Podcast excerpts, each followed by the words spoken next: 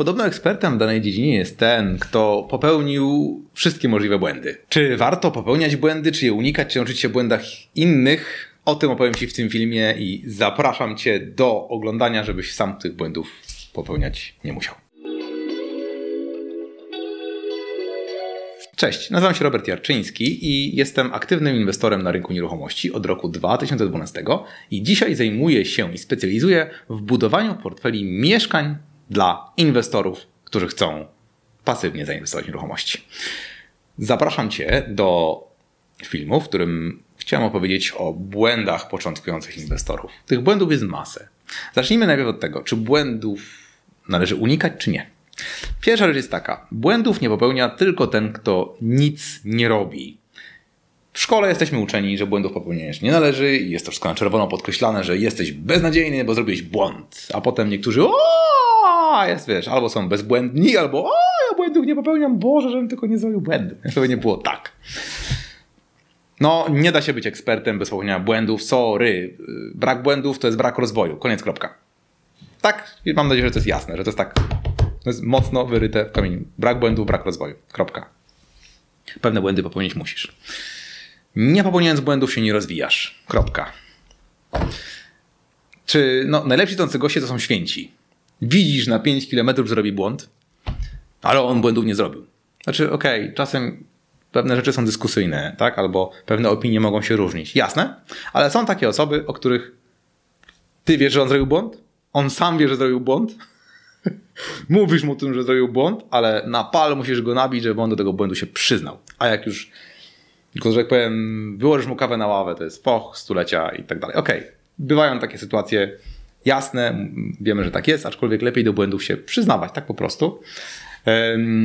Wielokrotnie jest tak, że do błędów się różnych przyznawałem. Te błędy popełniam i, i przyznaję się teraz publicznie. Masę błędów popełniłem i wartość skumulowana tych błędów spokojnie przekracza milion złotych, jak nie więcej. Czy jest mi wstyd? Nie.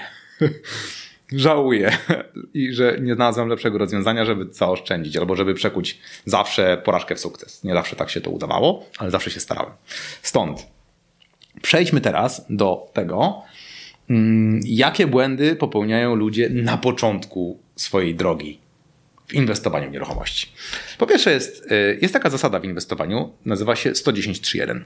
100 nieruchomości oglądnij, 10 nieruchomości zaofertuj. Zaofertuj je tak, w takiej cenie, żeby 3 zostały przyjęte i jedną wybierz. Jeżeli taką samą, yy, to jest w ogóle taka maksyma inwestorów, która jest na całym świecie właściwie. Chodzi o to, żeby się nie zakochiwać w nieruchomości, którą chcesz kupić, żebyś yy, zrobił czy zrobiła gruntowną analizę rynku, żeby dokładnie mieć ogląd na wszystkie okoliczności. Niektóre nieruchomości zobaczysz kilka razy i nie dasz się naciągnąć w żaden sposób, czy nie ulegniesz presji marketingowej E, jeżeli chodzi o mm, no, działanie osób, które sprzedają te nieruchomości. Tak? Nie zrobisz takiego błędu. 110.3.1. Jeżeli, moi drodzy, przyjmiecie również taką mm, to już trochę żartuję teraz, ale jeżeli przyjmiecie taką strategię w wyborze swojego partnera życiowego, czyli e, bądź ze 100 partnerami w swoim życiu, e, 10 przetestuj, trzech wybierz, jeden się zgodzi. Nie bierzmy tego na poważnie, ale pewnie z czystej statystyki byłoby to mega skuteczne działanie. Na szczęście w inwestowaniu w nieruchomościach możesz tak zrobić w relacjach z ludźmi niekoniecznie. Tak, niekoniecznie to polecam. Traktujmy to jako żart. Natomiast odpowiedzią na ten błąd 110.3.1, jeżeli ktoś tego nie zrobi, to jest to, że ludzie się zakochują w nieruchomościach. Nic o nich nie wiedzą. Powodują ogromne emocje i oglądną jedną nieruchomość, drugą nieruchomość, trzecią i mówią wow, to jest to, o czym marzyłem i tak sobie tłumaczy i wytłumaczy i kupi, a potem popełni czasem życiowy błąd. Czasem nie popełni, ale może. I oglądnięcie trzech nieruchomości, zakochiwanie się w nieruchomościach jest fatalnym błędem początkujących inwestorów.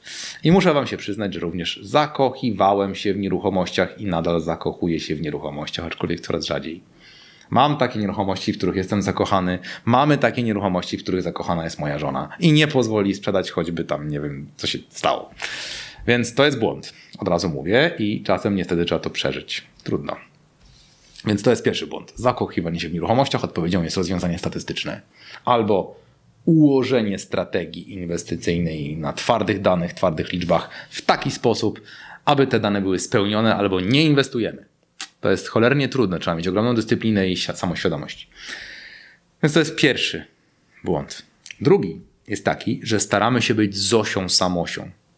Czyli nie znamy rynku, nie wiemy jak kupować, a, ani jak sprzedawać, ani jak inwestować, ani jak remontować, ani jak wynajmować. A sami idziemy, sami szukamy na rynku. Nikogo się nie słuchamy.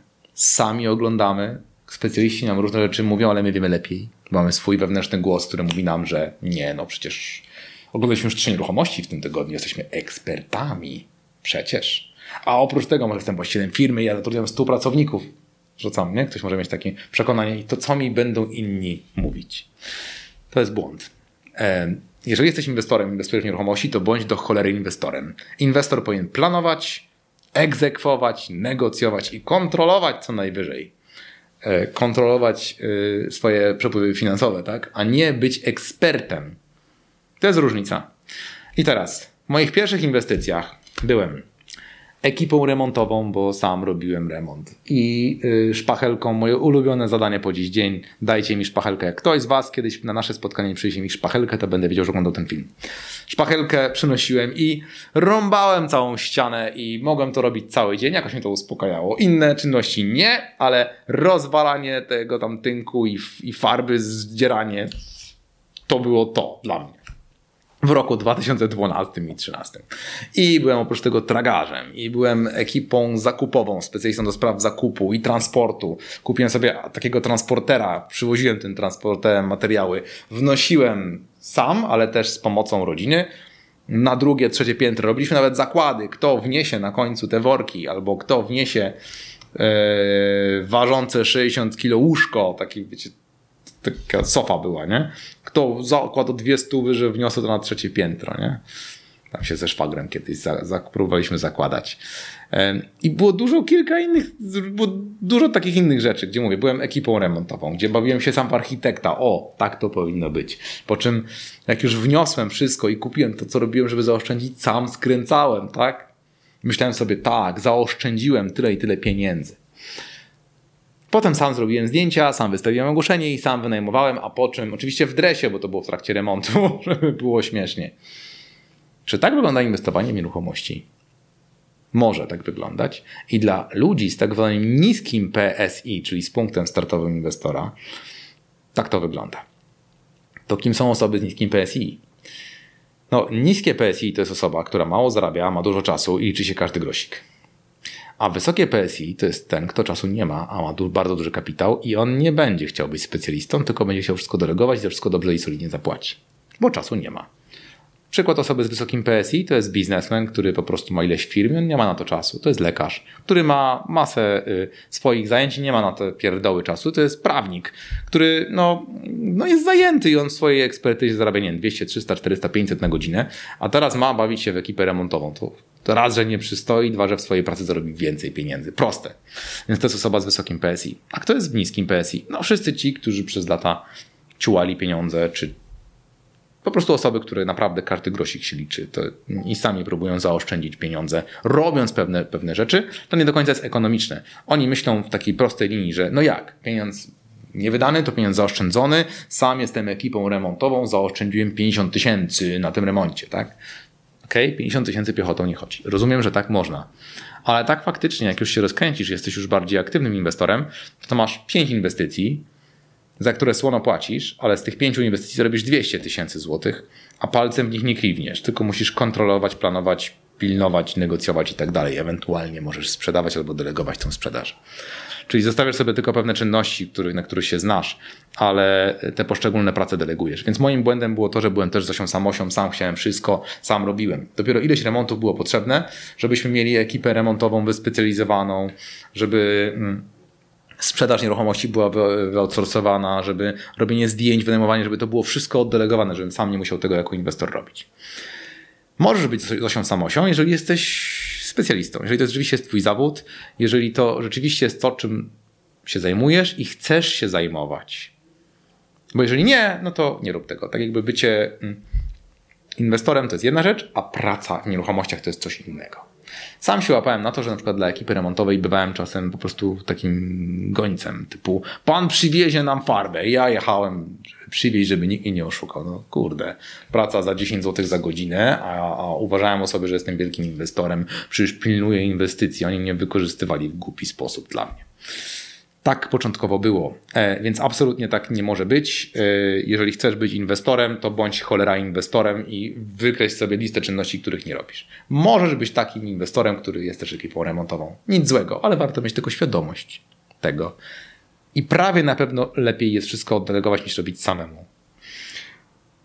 Kolejna rzecz, jeżeli chodzi o błędy. Brak strategii inwestycyjnej. Co to jest brak strategii? No, yy, to może jakie są powody, żeby inwestować w nieruchomości? No, są osoby, które mówią tak: żono, mężu, mamy x pieniędzy na koncie, kupmy nieruchomość, bo pieniądze tracą na wartości, jest duża inflacja, nie ma, są kiepskie odsetki, kupmy nieruchomość, one idą do góry, będzie dobrze.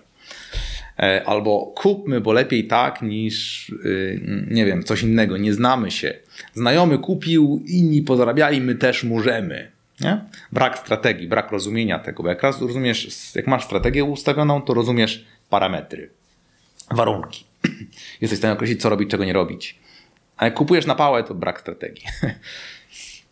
Tę strategię warto mieć warto przeczytać kilka książek o inwestowaniu w nieruchomości, co zajmie raptem kilka dni, tak? albo kupić sobie audiobooki na ten temat. E, jak inwestować, jakie są cele do inwestowania, jak w ogóle, jak, jak to wybrać, jak to ułożyć, na co zwrócić uwagę. No wiesz, inwestowanie w nieruchomości nie jest na weekend, nie jest na tydzień, nie jest na miesiąc, jest na ileś lat. Więc warto jest poświęcić ileś czasu, ileś miesięcy nawet, żeby się nauczyć, jak dobrze podjąć inwestycje jakie do, zrobić mądre kroki inwestycyjne.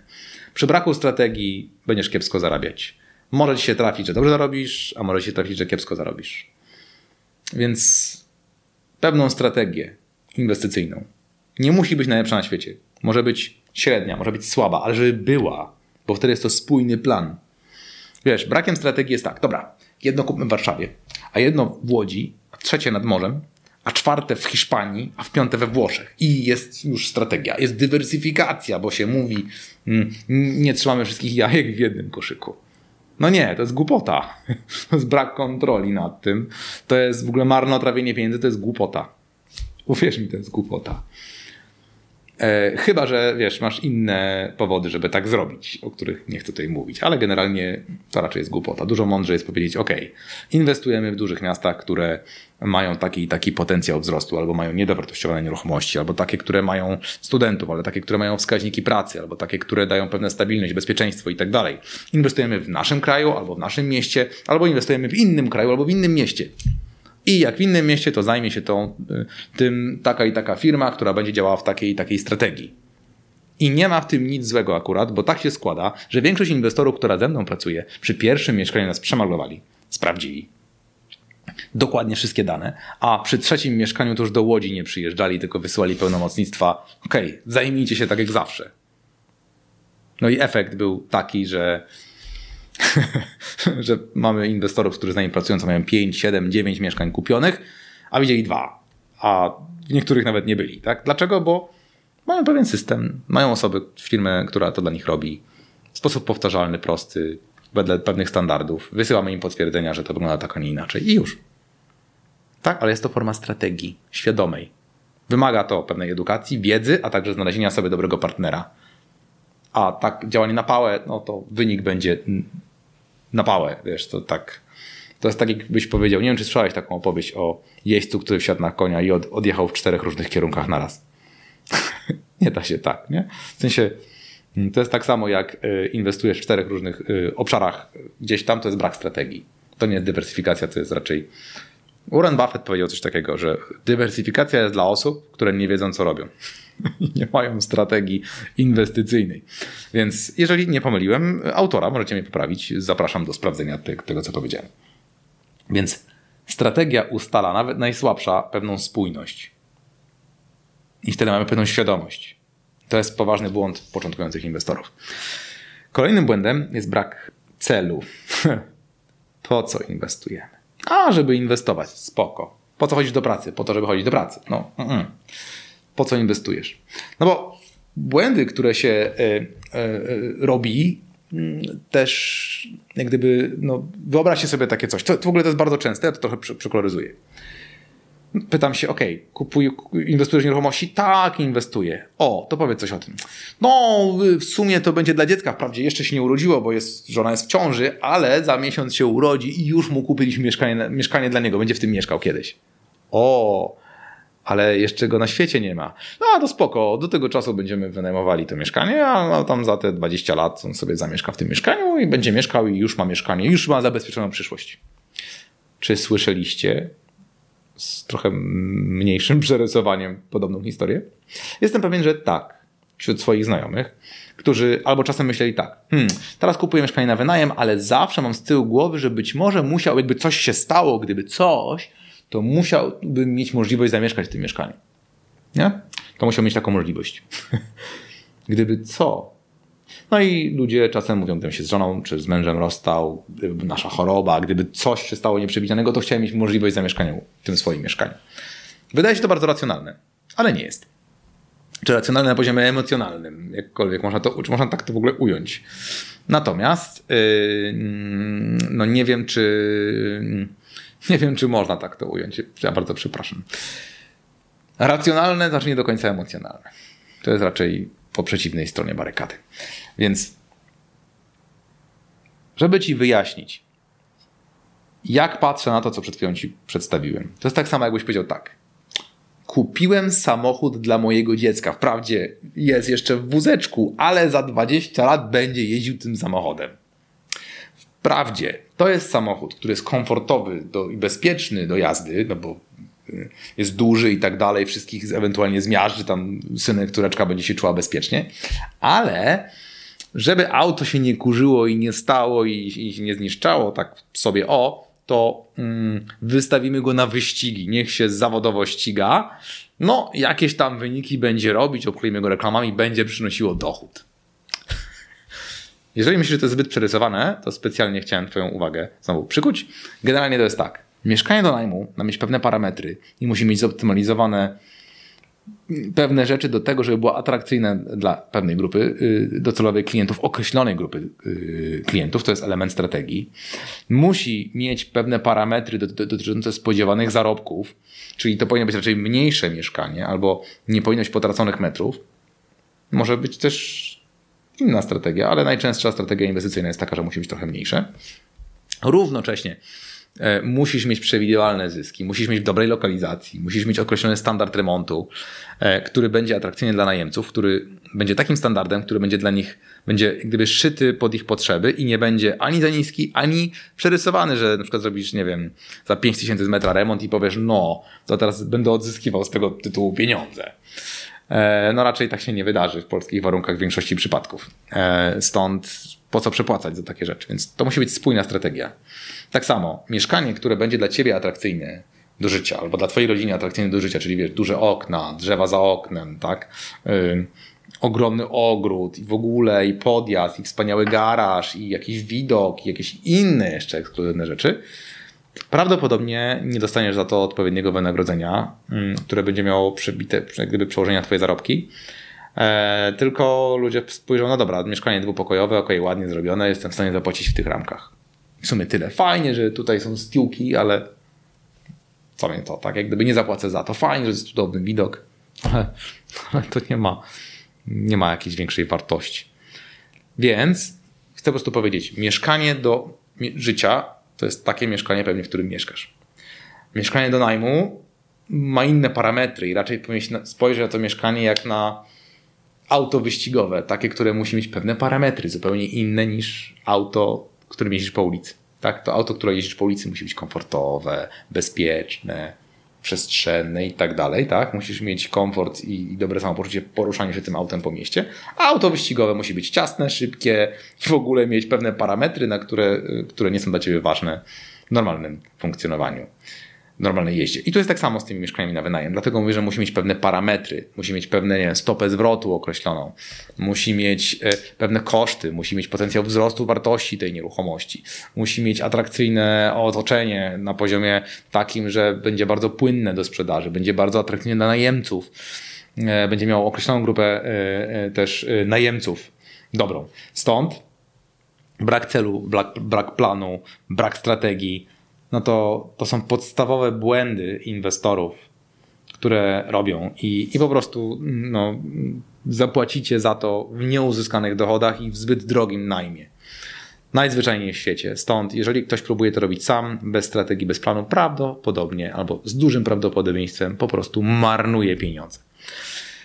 Jak się przed tymi błędami uchronić? Pierwsza rzecz jest no, edukacja, tak? Stąd to Arystoteles powiedział: Jeżeli myślisz, że mm, edukacja jest droga, spróbuj ignorancji. E, co to znaczy edukacja? Edukacja to znaczy no, choćby książki, podcasty, mm, webinary, audiobooki, szkolenia, studia, kursy, różnego tego typu rzeczy. Możesz, nie musisz.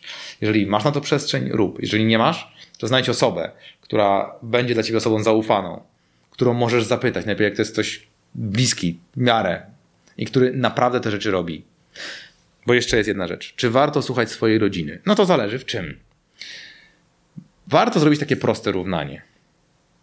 Powiedzmy, że przychodzisz do swojej rodziny i mówisz, droga rodzino, będę inwestował w nieruchomości.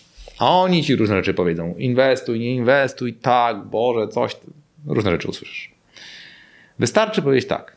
Twoje zdanie razy twoje doświadczenie w tym temacie równa się waga decyzji, którą y, na końcu podejmę. Znaczy, albo prawdopodobieństwo, z jakim wezmę Twoje zdanie pod uwagę. Czyli jeżeli ktoś ma doświadczenie zero, no to jego zdanie razy jego zero doświadczenie równa się zero. Nie możemy tych osób słuchać. Więc warto słuchać tych osób, które mają takie doświadczenie. I to jak największe. I kiedy się dowiemy, to, no to wtedy e, warto po prostu tych osób posłuchać. Jak takie osoby znaleźć? Nie da się jednoznacznie odpowiedzieć. Zacznijcie. Ja, bym, ja zaczynałem od książek. I w książkach widziałem, kto kogo poleca. E, czasem, jeżeli widzisz jakiegoś eksperta i nie wiesz, czy mu ufać, czy nie, to zapytaj się, jakie książki by polecił, albo jakich ekspertów poza sobą by polecił. to jest ciekawe. Jakich ekspertów poza sobą byś polecił? No i zapytaj się takich tych pięciu ekspertów i niech każdy wzajemnie coś o sobie powie i w sumie się dowiesz. Proste pytanie. E, więc warto na to poświęcić czas i energię, e, żeby tych błędów nie popełnić, bo wtedy nie musisz później zmarnować pieniędzy. Mówiłem także o błędzie, który zrobiłem na milion złotych w zasadzie, bo nie robiłem edukacji, więc znaczy nie, nie edukowałem się wystarczająco, więc błędem jest to, że podejmują inwestorzy działania bez odpowiedniego wsparcia merytorycznego, bez odpowiednich narzędzi i bez odpowiedniej wiedzy. No bo to, że nie mają doświadczenia, no gdzie mieli go zdobyć? Jak tego nie robili? Więc błędem jest po prostu robienie czegoś, bo się komuś wydaje, bo sobie policzył z grubsza. Fajny był, fajna jakieś była taka rozmowa z moim kuzynem. No, to mieszkanie w Warszawie kupię, prawie za gotówkę, tam teraz kwot nie pamiętam, mogę je pomylić, ale powiedzmy, że gość chciał 500 tysięcy, mówi no 450 wynegocjuje. Na końcu kupił za 500 praktycznie. Ekipa weźmie 50 tysięcy, wzięła 70. Eee, ekipa to jest znajomy, zrobi wszystko bez problemu w miesiąc, a w sumie tamtą ekipę wykopał, wszystko trwało pół roku, a na końcu wynajmę powiedzmy za 3000, a wynajął za 2. I z 7%, które sobie wyliczył na papierze, zostało 4. Taka drobna rzecz, nie? Więc warto mieć przygotowanie i słuchać a nie uważać, że samemu wie się lepiej. Jeżeli chcielibyście się podzielić błędami, które popełniliście, albo o których wiecie, żeby ich unikać, będę bardzo wdzięczny za skomentowanie poniżej, a również za odniesienie się do tego, co nagrałem w tym filmie. Dziękuję Wam uprzejmie za uwagę i zapraszam do subskrybowania mojego kanału, a także do polecenia tego kanału swoim znajomym, o których myślicie bądź wiecie, że mogliby na wiedzę zawartej w moich filmach po prostu skorzystać. Dziękuję uprzejmie za uwagę i do zobaczenia.